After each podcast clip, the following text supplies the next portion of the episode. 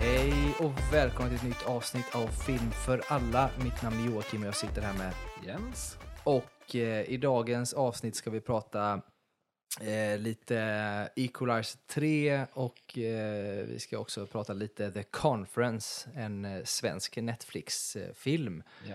med lite mera. Men innan dess så går vi in på lite nyheter.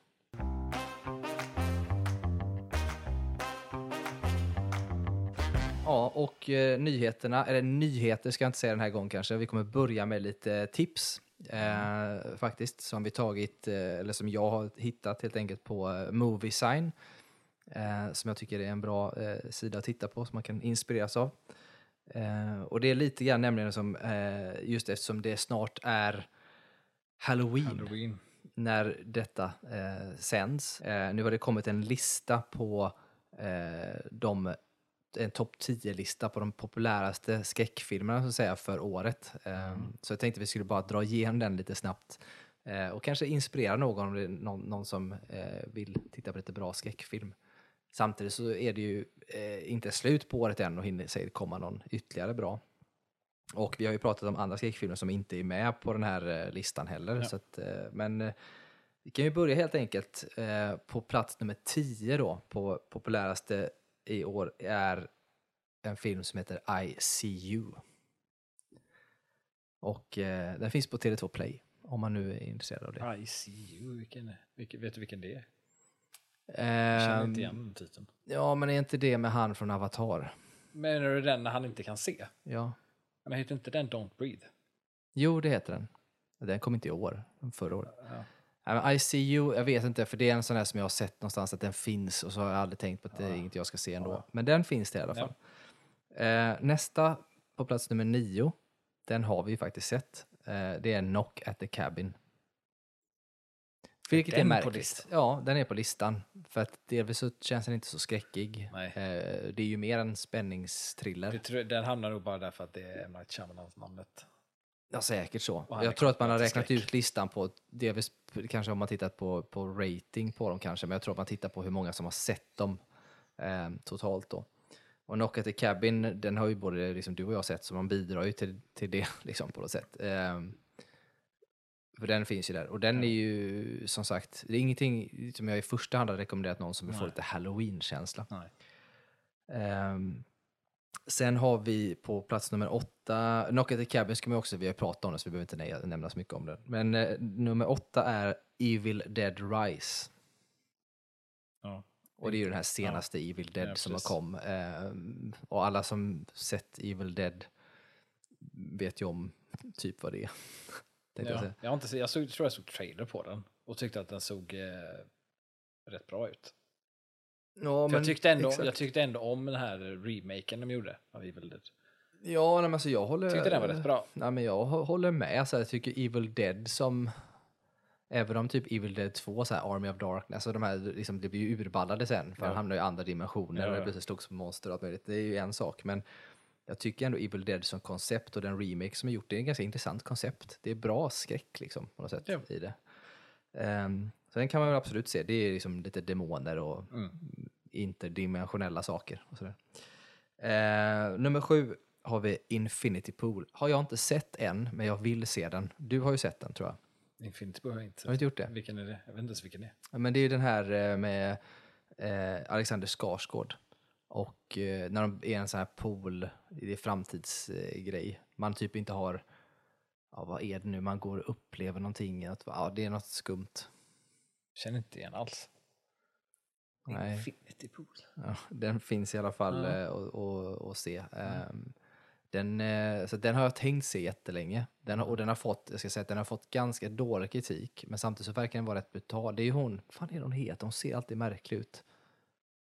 Ja, kommer inte ihåg nu. Men den är ju obehaglig i alla fall. Mm. Eh, och påminner, alltså, jag får så här samma känsla som, nu har inte jag sett den, men det är lite samma tanke tror jag bakom den som det var med den här med Viggo Mortensen, när man inte har känslor eh, Jaha. Mm. och ska hålla på, att det är någon sån variant. För det finns det är någon sån här poolvariant också i framtiden som man ligger i för att få någonting liksom, obehagligt. Eh, det var den. Nummer sex är eh, Megan.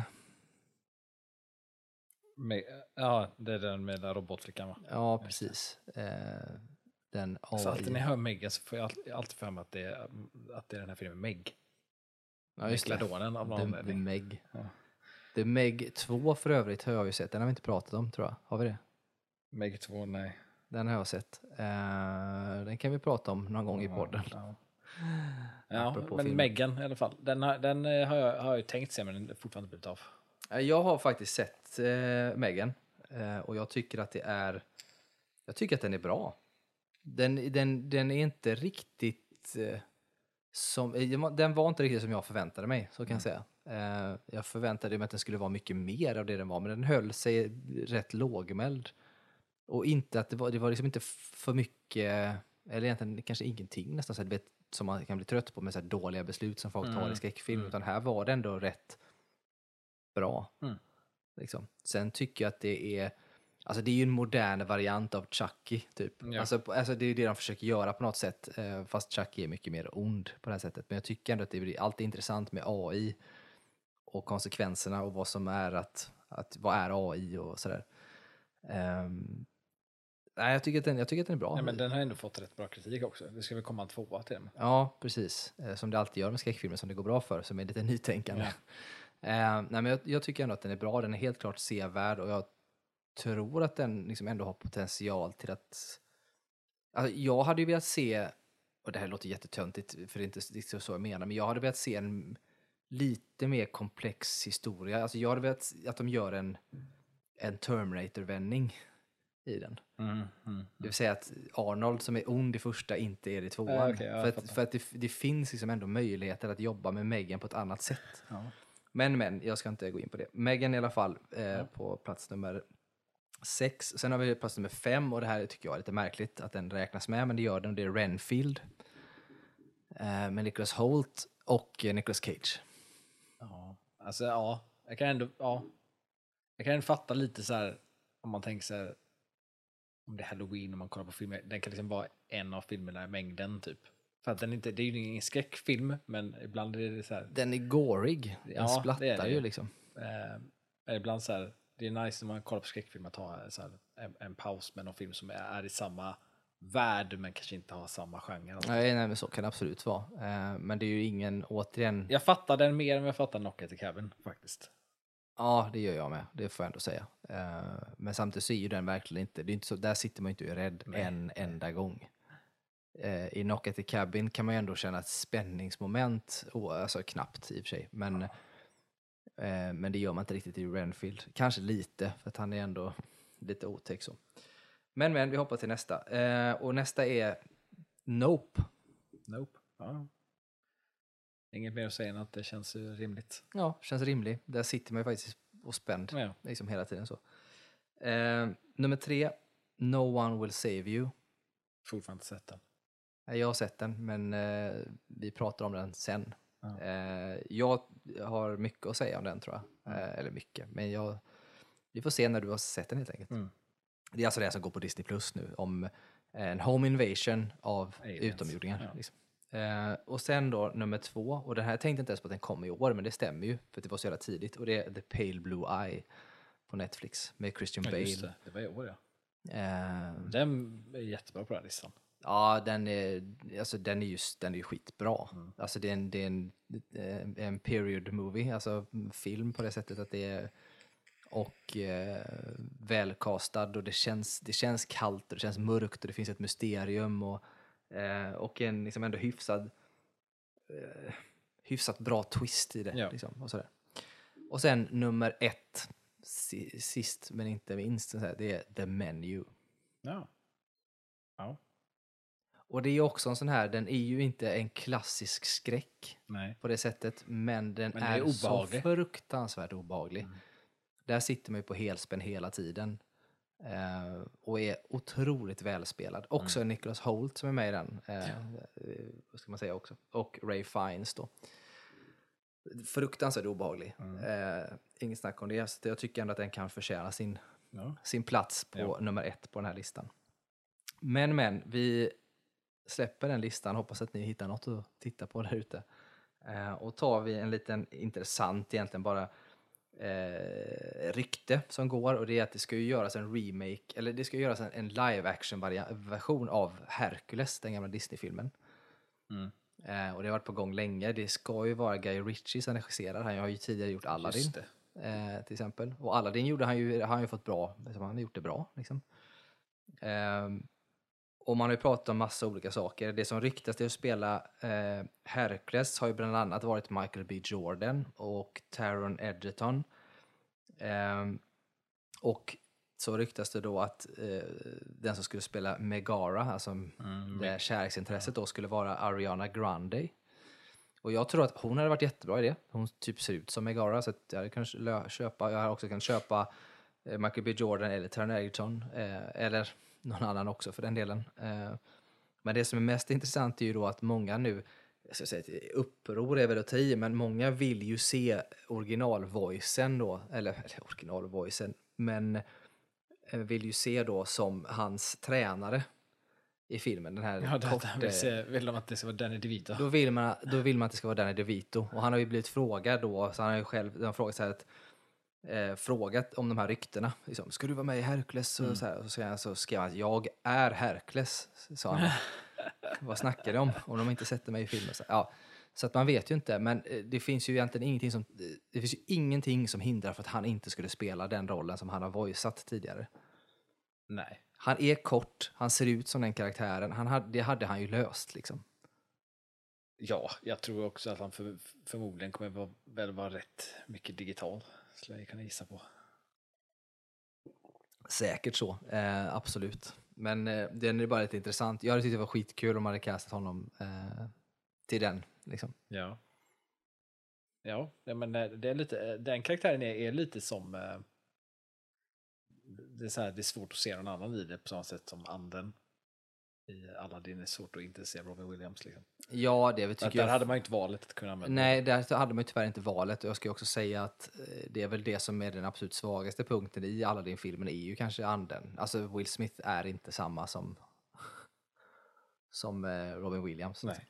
Det funkar inte. Men hur som helst, jag Ja, hoppas på det. Det har varit sjukt eh, kul. Ja. Eh, och sen bara två korta grejer egentligen. Om spekulationer till den här nya Harry Potter-serien som ska komma.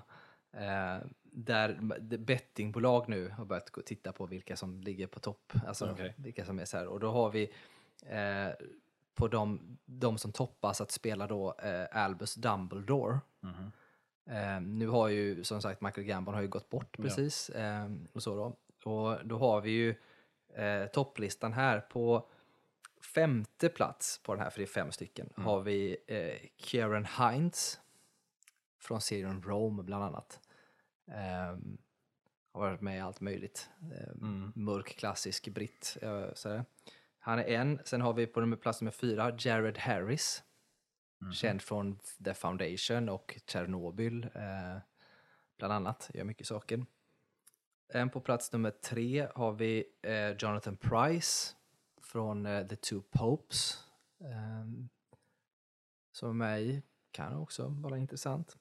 På plats två har vi Brian Cox. Som är typ en, alltså för mig är det en kopia av Michael Gambon nästan. Att ha. Och sen på plats nummer ett, den som kanske skulle vara en mer mest lik en Richard Harris som spelade Dumbledore originalt. I säga, ett och två. i ett och två och som också var den som J.K. Rowling typ hade i huvudet när hon skrev eh, då. Eh, och den som ligger på plats nummer ett då är Charles Dance. Känd från Game of Thrones bland annat. Alltså så han spelar eh, pappa Lannister. Just det. Tywin heter han va? Mm, Tywin Lannister, ja. Som spelar. Och han är ju som sagt, han är tunn, han har lite här Richard Harris utseende. Sen är bara frågan hur, han, hur väl han spelar en, en god och mjuk figur. Ja, man är ju mest sett han som eh, bad guy. Ja, men det är ju det. Och frågan är om han, om han kan göra det på ett sätt så att man känner sig sådär omhuldad och trygg som Albus Dumbledore har, har liksom ändå varit i Harry Potter tidigare. Sätt. Gary Oldman lyckades göra det med Sirius Black, så... ja, det kan ju gå. Men hur som helst så är alla, jag tycker alla namnen är intressanta och jag tror att alla hade löst det. Eh, sen kan det bli någon helt annan. Det vet Ja. man inte. Men det här är... Jag de- tycker många av, eller... eh, några känns lite för gamla. Ja, jag håller med. När man tänker, alltså inte, inte för karaktären men utifrån ett liksom, produktionstänk. Nej, att men jag håller serien med. ska fort, fortgå i åtta Nej, år. jag, jag håller med, det, det tänkte jag också på. Eh, att, det, att det finns en del problematik där. Och att man har möjligheten att åh, tänka om, alltså ka, kanske casta någon som är yngre. För att det finns, alltså, visst, man kan se gammal ut, men, men de är ju, alltså Dumbledore är ändå 130 någonting år. Och, så att jag menar, du Ja. kan ju ändå casta en som är typ mellan 50 och 60 egentligen och bara make Göra up. honom och, äldre. Ja. Ja. Ehm, så att jag tycker att egentligen alla de här, det var väl någon där, typ ja, Jonathan Price, vet jag inte hur gammal han är till exempel, och även och Jared Harris, och han är väl en någon någonstans, han har ju några år till på sig. Så, där, så att, ja, vi får se, det beror på vad man vill ha. Eh, och sen nästa betting då, det här är, ska jag säga, det är ju online bettingsidor som gör denna undersökningen, så det är Ja. inte så att det går rykten från produktionsbolagen i sig då. Men då är det ju istället då vem som ska spela Voldemort Mhm. i den nya. Och där finns det eh, tre eh, namn. Eh, och då har vi, vilket jag tycker är märkligt, men då har vi tre namn. Ett namn är, eh, jag kommer nämna de två tillsammans nu då, och så tar vi det sista eh, namnet som leder så att säga bettingligan, sista av alla. Men de två namnen som finns just nu är Benedict Cumberbatch och Ray Fiennes. Det vill säga Ray Fiennes som redan har spelat Ja. Voldemort. Det är de två som ligger där. Ja. Alltså man kan ju inte säga, Ray, Ray Fiennes vet vi kan spela det. Mm. Uh, Benedict Cumberbatch hade vi också kunnat göra det. Det är bara för obvious typ. Ja, lite, men samtidigt, Benedict Cumberbatch är ju intressant. Han hade gjort det, men han hade också kunnat vara en bra Snape. Ja, han, Liksom. han är för gammal för Snape. Nej. Det det, Om Alan Rickman ja, men kunde jag spela vet, men Snape, Alan så- Rickman är också för gammal. Det är ju det som är stor grej i, i, i de filmerna som gjordes, att åldern på alla är ju inte Ja, rätt. nej, nej, men så är det såklart. Och, det och om man gör en ska göra. remake på det så tycker jag, då, om man, om man liksom försöker hålla sig till boken så kan man ju faktiskt kanske då försöka hålla sig Ja, men jag tror, ja, ja nej, jag håller, kan hålla med dig, men samtidigt så är det de som, eh, som är namnen och av de här så är ju Benedict absolut yngst. Även om han kanske inte är ung så är han fortfarande ung. Mm. Till exempel. Men det spelar ingen roll för Voldemort, tänkte jag säga. Men däremot för en Snape så kanske det kan vara det. Mm. Ehm, för det egentligen det gäller ju i princip alla dem. Alltså, för, det för ju, Voldemort så... är- Nej, Voldemort spelar ingen roll, Spelar men det gäller ju för alla de här, alltså Sirius Black och pappa Weasley, alla de här är ju egentligen lite för gamla i, i, i de gamla Ja, men filmerna. det var till och med bara för att jag, jag tänkte, det är ändå kul att prata om det då, för jag, jag, lyssnar ju på böckerna igen och just igår när jag lyssnade så var det just att det var en, en, en line som var eh, med Lupin, så här, att så här, eh, fokus på hur ung han såg ut att vara, fastän att han såg liksom, eh, liksom tilltuffrad ut, men han såg fortfarande väldigt ung Ja, jag ut. vet, Och han blir- så här, ja, det gör han ju inte i filmerna. Nej, nej, och grejen med Lupin är att, att han finns, det finns ju också mycket mer kring Lupin, att han ska ju vara, jag ska inte säga att han ska vara snygg, men han beskrivs ändå som lite, lite cool Ja, ja. och sådär. Och, ja, men han beskrivs som att hade det inte varit på grund av att han är varulv så hade han ju varit ja men snygg. precis, att han är liksom, han är, han är liksom sliten Ja, liksom. Men, och det grejen är att, inte ont om den skådisen som jag tycker är jättebra, de gamla filmerna, men han är ju inte snygg liksom. Och det hade inte hjälpt om han inte hade varit varulv. Vem är sista namnet då? Sista namnet, som alltså li, li, ligger nummer ett på att spela Voldemort just nu på bettingbolagen, det är Bill Nye.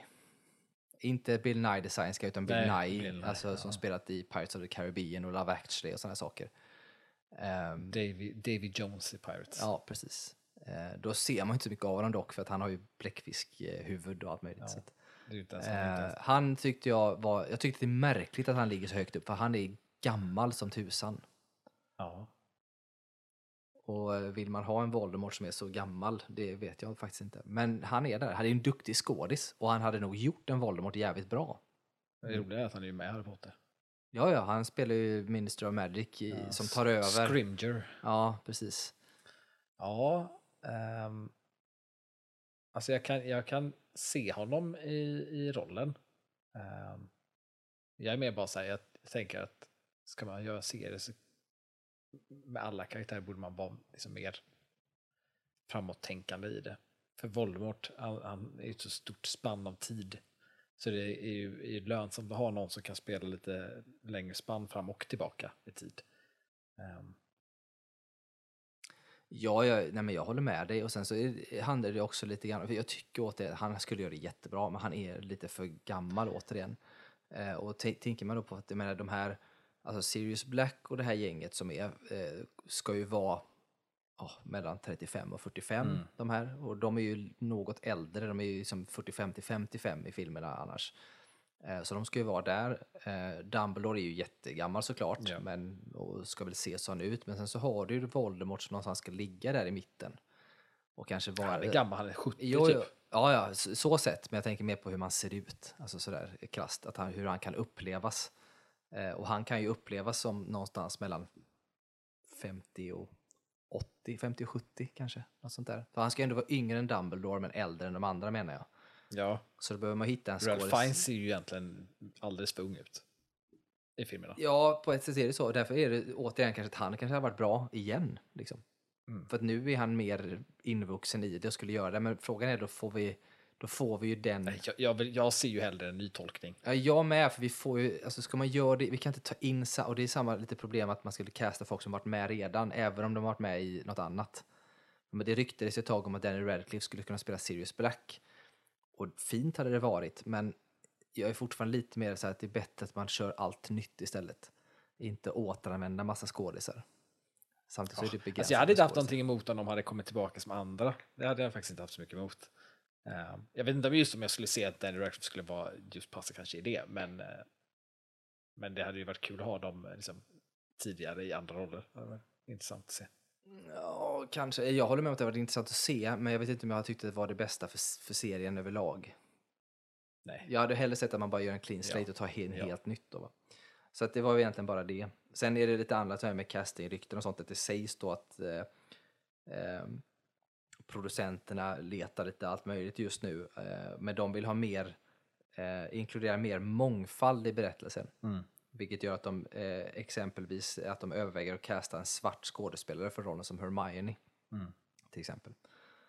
Ehm, Men det är ju inget nytt ändå. nej, och det är så här, och, återigen, nu menar jag låter som en så här, grinig gubbe på något sätt, men jag, jag hamnar i det här med att man säger att man ska hålla sig till, till det som är, men man väljer att inte göra det på andra ställen. Då gör man ju inte det ändå. Alltså för mig blir det bara märkligt. Eh, så. beror på vad man håller sig till egentligen. Tycker jag. jag. Jag tycker ändå att man ska, för, alltså har man liksom författarens vision och ska göra det så troget som möjligt, då ska man göra det så troget som möjligt. Och inte bara hitta på saker för sakens skull. Det har jag ju svårt för egentligen. Men som sagt, det är skitsamma. Det blir säkert bra ändå. Mm. Tänker jag. Men det är lite grann som i Wheel of Time. Och- det här är problemet när man har läst klassisk fantasy som jag har gjort. Och man kan ifrågasätta det. Men Wheel of Time-serien till exempel. Där beskrivs det väldigt väl hur folk ser ut och det finns olika liksom, folkslag och länder som har olika typer av kulturer och ser ut på ett visst sätt, precis som i vår värld idag. Och det betyder ju inte att det inte kan finnas liksom, svarta människor i Sverige, eller liksom så. det är inte något konstigt. Men i Wheel of Time-serien man tittar på så är det väldigt uppblandat. Det är liksom mångkultur överallt och det är väldigt förvirrande för det blir väldigt otydligt på något sätt. Att man, det blir liksom inte... Och jag, jag förstår grejen men samtidigt så blir jag så här att men så ser de inte ut. alltså när jag tittar på det. De beskrivs inte på det sättet och sådär. Mm.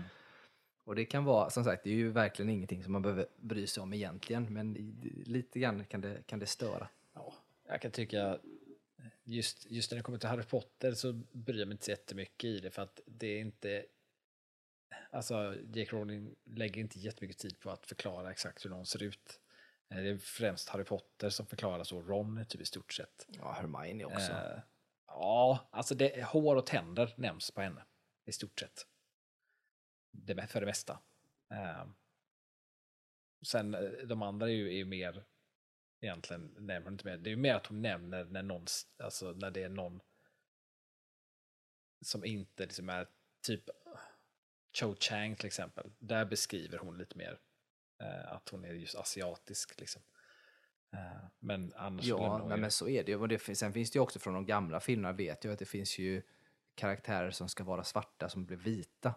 För att man ja, castade så helt enkelt. För att man Mm. hittar en bättre skådis eller en bra skådis som passade. Och det är så man ska tänka. Jag har inget jätteproblem med det.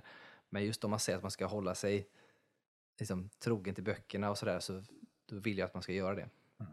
Sen som sagt, Hermione är ju ingen stor grej. Men det, är, liksom, det finns ju risken att det blir massa annat. Och det är lite grann det här med att jag har så svårt för att man ska ha, ha saker för sakens skull. Då är det så här, eh, ibland. Men det är som det. Ja. Eh, bra. Vi släpper det och hoppas att eh, det blir bra oavsett. För det kommer det att bli tror jag. Eh, det kommer bli intressant i alla fall. Ja. Tror jag. Och eh, nej, men vi hoppar in på dagens film. Vi har en film som vi båda har sett. Sen kommer du få prata om den andra lite mer. Mm. Men eh, den film som vi båda har sett är The Equalizer 3. Ja. Det är alltså tredje delen av Denzel Washingtons version av eh, Taken. Slash, eh, ja, vad kan man kalla det mer för något? John Wick liknande. Alltså det är en, ja. Men Equalizer, det är väl också eh, baserad på något tidigare, har för mig. En, en serie från förr. ja, det men det är väl något, ja men något sånt är det säkert. Det var ju tekniskt sett en reboot, jag för mig. Från Ja, början. det är mycket möjligt. Men eh, den är ju mest känd för Denzel Washington. Så jag har gjort en ett och en tvåa. Jag har sett etta. Jag tror jag sett tvåan, men jag kan inte minnas den dock. Men eh, Nej, tvåan, jag har ju sett ett, två och tre. Tvåan är, är ju väldigt eh, lätt att glömma. Den är inte så bra. Nej, men jag har Tyvärr. för mig att det var något sånt, för jag såg första, var det så här, så för mig att jag såg andra i samma svep, och, men jag kan fan inte minnas den. Eh, faktiskt. Men trean såg jag ju ganska nyss, så den kommer jag fortfarande ihåg, tack Mm. och lov. Vad tyckte du om trean? Eh, jag tyckte att den var, alltså tvåan tyckte jag ju var jättedålig. Jag gillar ju första jättemycket och andra var jag besviken av. Eh, jag var inte lika besviken av trean. Det var inte, den var bra. Eh, jag tyckte, jag vet inte, det känns som det sa, saknades något. Jag vet inte riktigt vad, jag vet inte om det kanske saknades eh, mer av hans eh, brutala intelligens eller någonting sånt där. Jag vet inte. För i första filmen så är han liksom, han är ju det här OCD och, och det här med tid och sånt som de gör en så sak av i första filmen och, och, och som gör det underhållande och liksom, oj, han tänker långt fram liksom. Det känns det känns som det saknas lite i trean tyckte jag. Det var inte riktigt lika mycket det här det känns som att han liksom ligger steget före, typ. Fast han gör, fast han gör det. Ja, jag vet, men det, det liksom läggs inte upp lika snyggt som i första filmen. Nej, nej, ja. Som gör så att det liksom känns lite, jag vet inte, känns lite så här. Och sen känns det som att he, hela filmen var så här, nu ska vi sätta den här karaktären i, i pension typ. Men jag är så här, men alltså, måste han göra det? Alltså, jag, tyckte, jag tycker att det är en kul eh, liksom, filmserie, jag tycker det är en kul karaktär. Så jag är så här, varför måste, jag, jag tycker inte att karaktären har rundats av än. Men det känns som de vill runda av karaktären. Eller ja, runda men av lite- hela serien, lite liksom. Så är det ju. Ja, man kan ju jämföra det med, det var det jag tänkte, det är ju lite som, han är ju mer kanske som, eh, som en Bourne, alltså Jason Bourne-figur, kanske Mm. mer än vad han är en Liam Neeson-taken, fast en blandning av de här två. Och det är lite, upptäcker man ju också under filmernas gång och i trean också här att det finns ju en bakgrund och också en sån här som Bourne får, att han har liksom en en operativ ung tjej som Ja. får reda på vem han är, som då, ja, eller knappt vet vem han är och så börjar liksom Han har ett mystiskt förflutet. Ja, precis. Och de här bitarna. Då, eh, och jag hade ju, det som jag hade önskat mer är kanske alltså, lite mer bygga på det som man gör i Jason Bourne. Att man får reda på lite mer kring Mm. var han kommer ifrån och vem han är och sådär. Eh, sen håller jag med, jag tycker att det är en helt okej film så sett. Och, men, men man saknar ju mycket, för jag, det som jag eh, liksom hade mycket, mest nöje över när jag tittar på filmen är att det är ju ren och skär typ Italien-porr. Mm. Och då menar jag mest att det är en liten vacker stad i Mm. Italien där man bara vet gå på gatan och hälsa på varandra, sitter och fikar. Och det är i princip det som är stora delar av filmen. För att man bygger upp att han har, ska ha någon form av kärlek till Mm. Ja. den här byn. För att Han, han, han där har hittat blir, sitt hem liksom. Ja, för att han hamnar ju där. Han blir räddad kan man säga Ja. och tar sig dit och så tar de hand om honom och så blir liksom han en del av den här byn. Så det är ju väldigt liksom vackert och det, det är Ja. ju härligt att se liksom. Sen så lägger man på en plott och när det är ett hot som ska vara där och sånt. Då.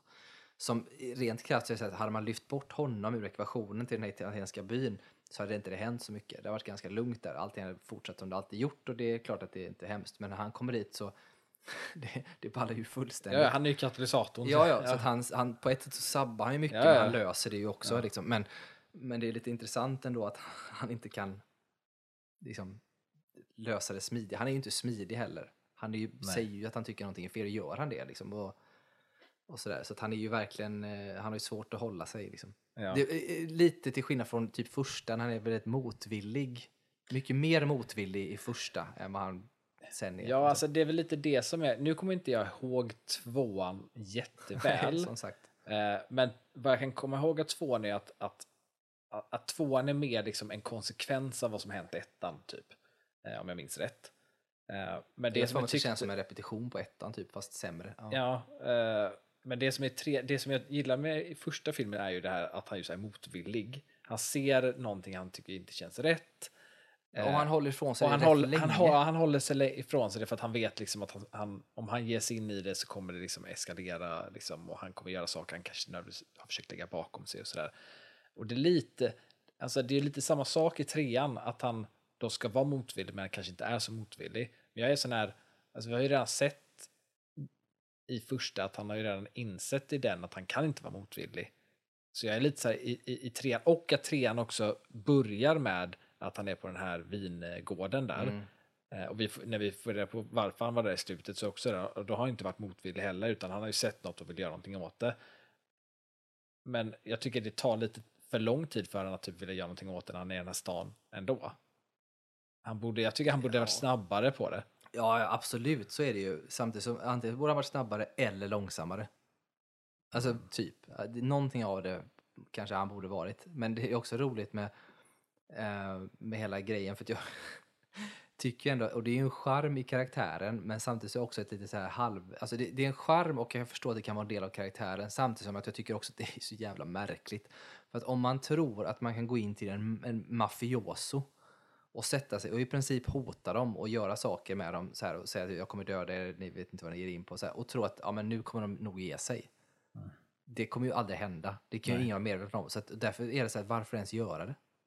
Och det, det är det som är grejen, för han är ju sån. Han, och det är ju karaktärsdrag förmodligen på något sätt, för att han är ju typ autistisk och OCD-ig och sådana här saker. Men, men det är så här att han, han, han med hans particular set of skills skulle kunna lösa detta rätt tystare. Liksom. Istället för att ställa till med så jäkla mycket skit. Men då hade det inte varit en film. Eh, så att jag förstår det. Men jag tyckte så att den var, den var underhållande. Och det är ju, men jag hade velat se mer av, av han när han liksom räknar ut Ja. och, och gör de här som är typiskt honom. Det Jag vet inte helt heller om det kanske är att han börjar bli lite gammal, Denzel Washington.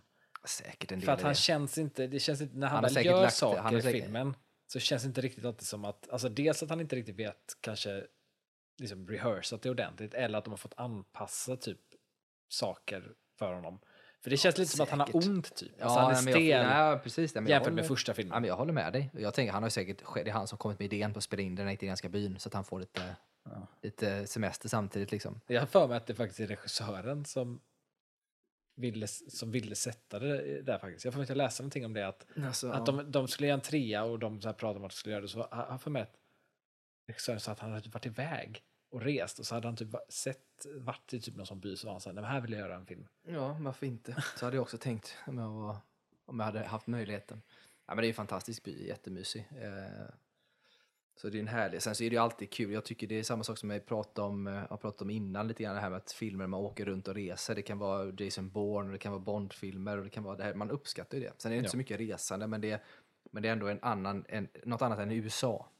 Ja, Vilket gör det mycket mer intressant direkt. Det är som Mission Impossible också. Det är mycket mer intressant när de inte är i USA utan de Ja. är på andra platser. ja. Eh, och varför det så vet jag inte, men det är lite samma sak i Jason Bourne. Det tråkigaste med Jason Bourne är ju när han kommer till USA. Då blir det helt plötsligt inte lika roligt längre. Jag tror det är för att vi eh, har amerikan, amerikanarhat i Sverige.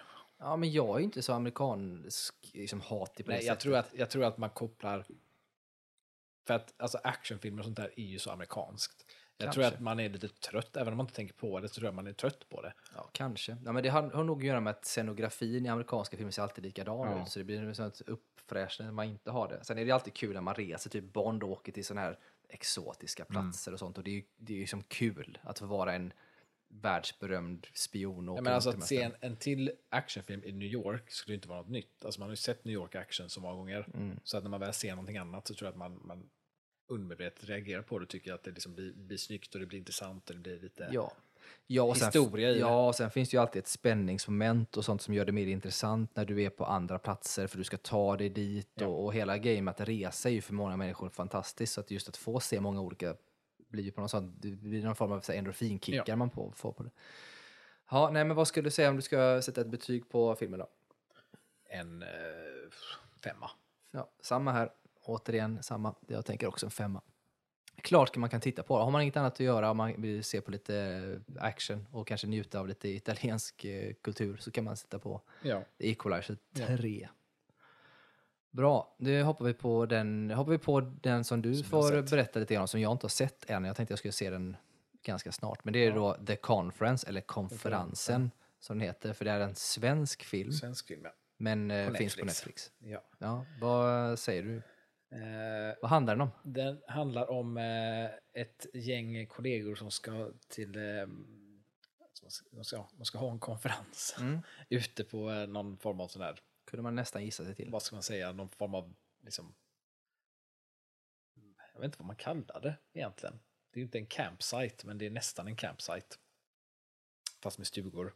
Liksom. Ja, men det ja, men någon form av, ja ja, någon form av retreat-aktigt Ja, eller sådär typ. liksom. Ja. Ehm, Så de, de, eh, det är en grupp där och de, de har eh, gjort en ny deal för liksom området eh, i närheten där de ska typ bygga något stort köpcenter och så ska de då åka och ha, ha någon form av så här, vad heter det, bonding om man ska kalla det, mellan Mm. kollegor och fira lite. Eh, och så är det ju så här typiskt liksom skräck eh, över det att alla dödas en efter en av någon okänd. Liksom. Det är det som händer. Liksom. Just det. Eh, men det är ju baserat på en bok och den här boken hade jag ju läst för några år sedan. Ehm, så att när jag såg att den här dök upp och så såg jag så här vad det stod att det handlade om, jag bara fan vad känner igen det här. Ehm, men så kommer jag inte ihåg boken jätteväl så. Ehm, sen så började jag titta på filmen och insåg att just det, jag har ju faktiskt läst boken. Men det som, den stora skillnaden tyckte jag, och jag vet inte om det var så att jag typ helt tolkade den boken fel, men boken tyckte jag var väldigt skräckig och, och, och liksom rätt seriös. Ehm, och att den, visst, den, vad ska man säga, den, den visste att den var en skräckberättelse liksom och att, att författaren fattade liksom tropesen och sådär. Ehm, men sen filmen i sig är ju en komedi typ. Mm. Det är ju som en skräckkomedi. Ja, jag fattar det som Ja. att det, det ser man bara man ser om omslaget sånt så fattar man det som att det ska vara en form av komedi. Men däremot så tycker jag att jag gillade att det var skräckkomedi. Mm. Eh, faktiskt. Jag tyckte att det, och jag tyckte det var intressant, om jag nu kommer ihåg att jag tolkat boken rätt då, så är det väldigt, väldigt intressant att se hur man faktiskt kan adaptera saker och göra det, att det faktiskt går att göra något väldigt annorlunda av det. Um, för det var moment i filmen som jag faktiskt kände igen från boken, alltså saker som hände som jag sa, just det, det hände ju och det hände och sådär. Um, ehm, men sen tycker jag att det, det är kul att det är en skräckkomedi, för det blir på något sätt, det är flera gånger i filmen det känns som så här, ja, vad hade egentligen typ hänt om det här hade hänt i Sverige? På riktigt. Hur hade, hur hade liksom vi reagerat om vi hamnade i en sån situation? Och det, eftersom att den är komisk så känns det på något sätt väldigt troligt.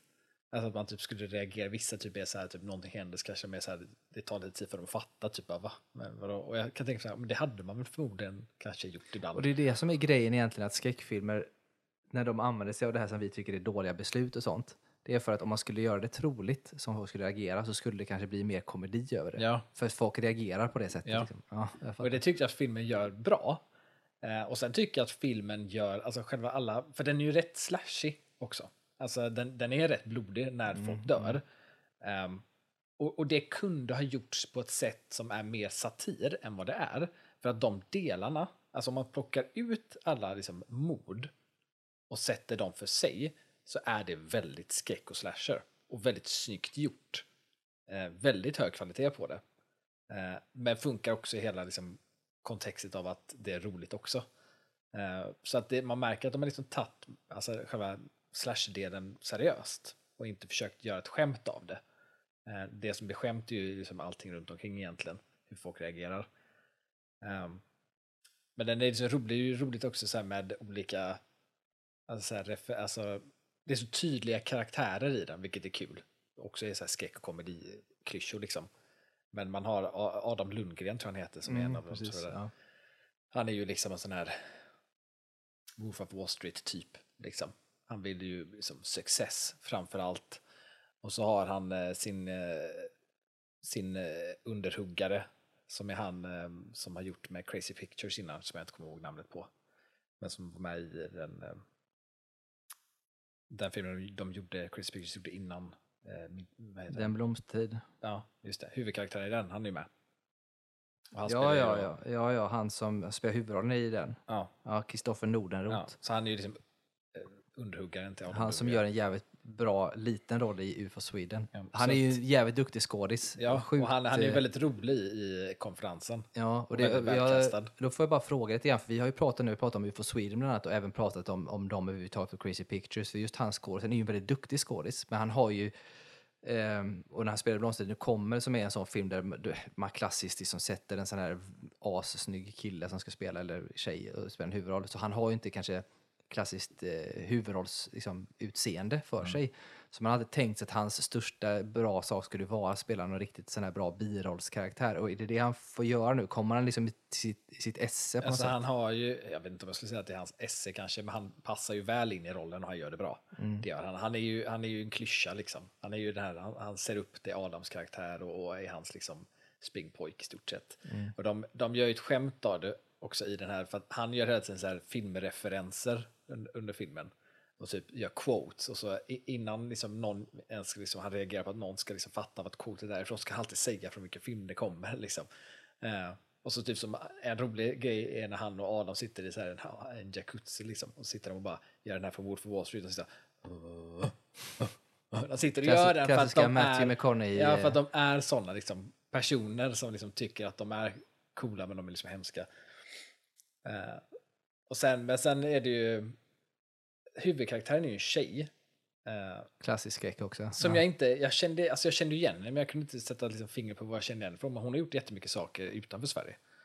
Um, I olika serier och sånt. Men hon var också väldigt bra, men det är ju väldigt så här, det är klyschigt och, och, och på, på bra sätt. För det är ju så här, hon har varit borta och kommit tillbaka, han har liksom använt hennes namnteckning för att förfalska grejer, för den här dealen är fake liksom. Eh, och inte är vad, vad man tror att det ska vara. Sen så är det ju ett mysterium i filmen då. Mysteriet är så här, vem är det som mördar dem? Liksom.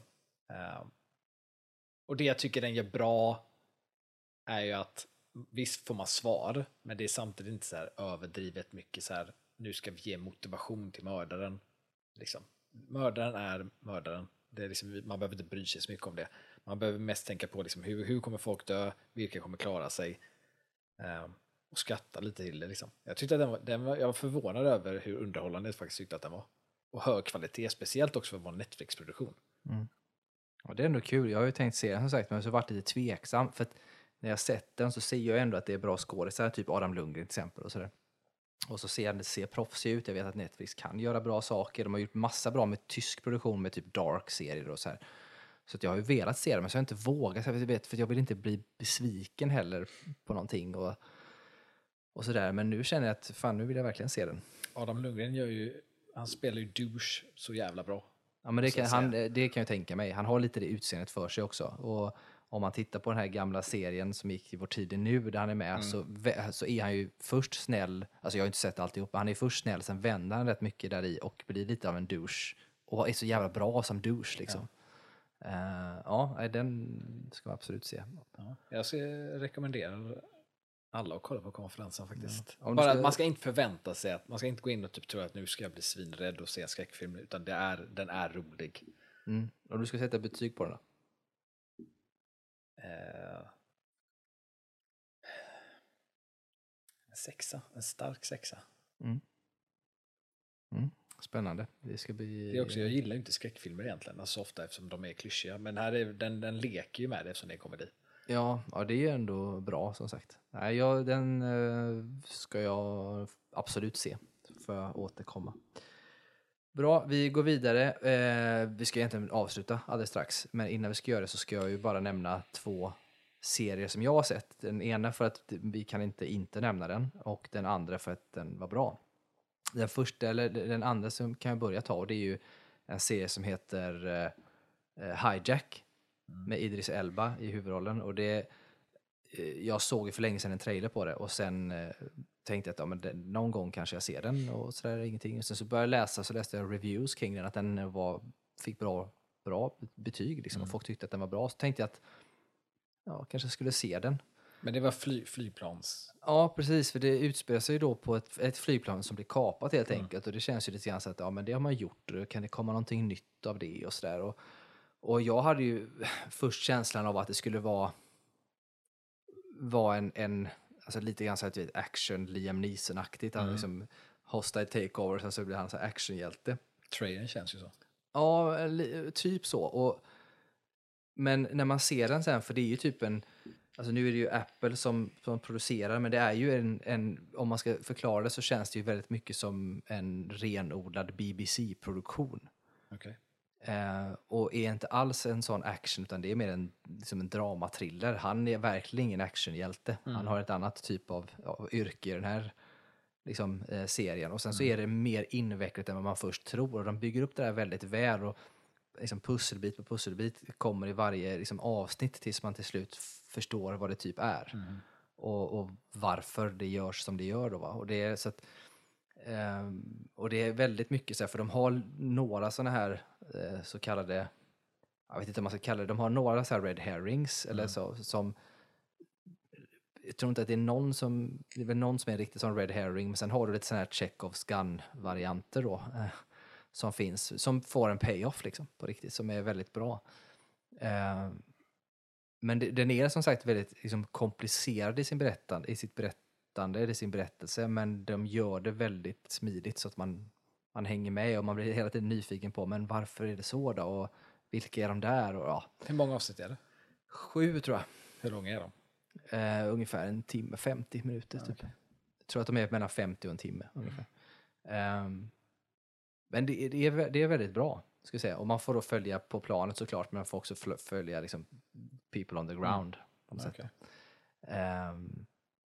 Ja, Men är, är det liksom... Eh, ve, ve, är det ett mysterie, liksom? Vem som gör det? Eller vet man vem som kapar från början?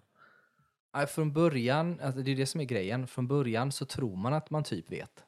Ah, Okej, så att det, det är inte klart liksom. Nej, och det blir liksom inte riktigt genomklart förrän långt senare egentligen. För det läggs liksom element på ovanpå hela tiden. Så att man, och det blir så här, men vänta nu, varför? Ja, och så, och så får man svar på det. Så den är, jag tycker att den är, den är intressant hela tiden på något sätt. Ska jag, ska jag sätta någon form av bara kort betyg på den så ska jag säga att det kanske är en, det kanske är en stark sexa eller en sjua kan, möjligtvis då. Den är helt klart värd att se eh, och går rätt lätt och fort att titta på också. Men det var den. Eh, sista jag ska ta är ju bara för att vi måste nämna för att varenda podd och varenda tidning, vad som helst man läser just nu, nämner den här och det är eh, serien om Beckham. Fyra avsnitt på Netflix som går nu. Ehm, en välgjord, intressant att se Beckham. Eh, jag som, eh, som älskar fotboll eh, tycker att det är kul att se eh, Beckham. Och, och, och, alltså det är inte så mycket, man har ändå upplevt, tycker ändå att man får, jag, jag får inte någon annan bild av vad jag tror Beckham har varit. Han verkar vara som han, som han har varit. Det är mer intressant kanske att se att han faktiskt är så genuin som han är. Eh, och man får förstå lite grann kanske varför han är som han är, och, men också vilken skit han liksom fått utstå i sin karriär. Men det är liksom en, en, en, en biopic-serie om honom. För jag vet ingenting om den här serien alls. Nej, men det är ju en, en serie som handlar om honom, eh, är det ju. Och den är ju framförallt eh, fokuserad kring hans eh, fotbollskarriär då. Alltså man, klart man börjar någonstans han börjar spela fotboll när han är liten, men det är inte så mycket hur hans uppväxt var. Det är lite sådana, men det är inte mycket, utan det är mest när han spelar för United och sen Real Madrid och, och sådär. Och vad som händer där med alla paparazzi och, och fans och alla de här grejerna. Och hur han upplevde det och, och sen sluta med det han är idag helt enkelt. Ehm, så den är intressant, den är lite trevlig att titta på liksom. Det är ingen som går in och är fruktansvärt sådär jobbig på något sätt mer än att man tycker att paparazzi är vidriga liksom. Och medier förr i tiden, de är ju inte mycket bättre idag men det finns vissa saker man inte skulle göra i stora medier idag som man gjorde då. Eh, och även hur fans kan bete sig då, eller så kallade fans. Ska man säga. Så att, men den är mm, klart sevärd, liksom, intressant. kul. fyra delar. Fyra avsnitt. Och hur långa var de då? Ungefär. Eh, De är också där en timme lång ungefär, eller något sånt. Så att, eh, kan absolut eh, rekommendera. Är du, är du fotbollsintresserad? Absolut. Är du, är du bara liksom, intresserad av, av biopics? Absolut. Eller så. Eh, är du intresserad av något av det så är det kanske svårt att titta på det. Eh, men det är också, ja det är ju intressant. Är du intresserad av Spice Girls kan det också vara intressant i och med att han gifter sig med en Mm. Spice Girl så får man ju höra det. Men eh, ja, jag tycker att den är, lite, den är, den är trevlig liksom. Man gräver inte för djupt i saker men man vet att vissa saker kanske har varit tuffare. Men Mm. man låter det vara. Som man gör med bra biopics, samma sak med Michael J Fox-dokumentären eller Arnold, att man inte går in för mycket på massa hemskheter utan det är liksom Mm. Lite, lite på ytan, doppa tårna lite sådär, kanske så. Nej, så att jag, jag tycker väl också att det är en, är en sjua, sexa, sjua i liksom betyg på Mm. sådär, så den kan man se. Men det var egentligen det som jag bara tänkte nämna lite kort för att eh, det vore typ tjänstefel att inte nämna den som alla andra nämner när man har en sån här podd, tänker jag. Mm. Även om det inte är, är en eh, skådespelare eller någonting sånt där, utan det är en fotbollsspelare. Han har ju spelat det, är- i- Det är film slash serie så att... Ja, nej men så är det ju. Han har ändå varit med i och cameoat lite här och var, så att han får väl räknas som Ja, men jag, får, jag, får, jag vet inte varför, men jag får för mig att han... äh, Det känns som att han har varit typ inblandad i någonting med Guy Ritchie. Jag vet inte Ja, varför jag får för nej mig men han har ju det. Han, i, Han har det? Eh, ja, nu kommer jag inte ihåg vad det är, men han är ju, han har ju varit med i någonting med honom. Han har en ganska liten roll. Och jag för mig att det typ är, alltså om det är typ, alltså jag har inte sett det med typ The Gentleman, eller du vet någonting har han varit med i där han, ja, någonstans har han varit med i något sånt. Han har haft någon liten, liten töntig roll någonstans. Men, eh, ja, nej men det var väl allt för idag Yes. tänker jag. Så att, eh, ja, du får lyssna nästa vecka helt enkelt så får ni ha det så fint så länge. Ha det bra.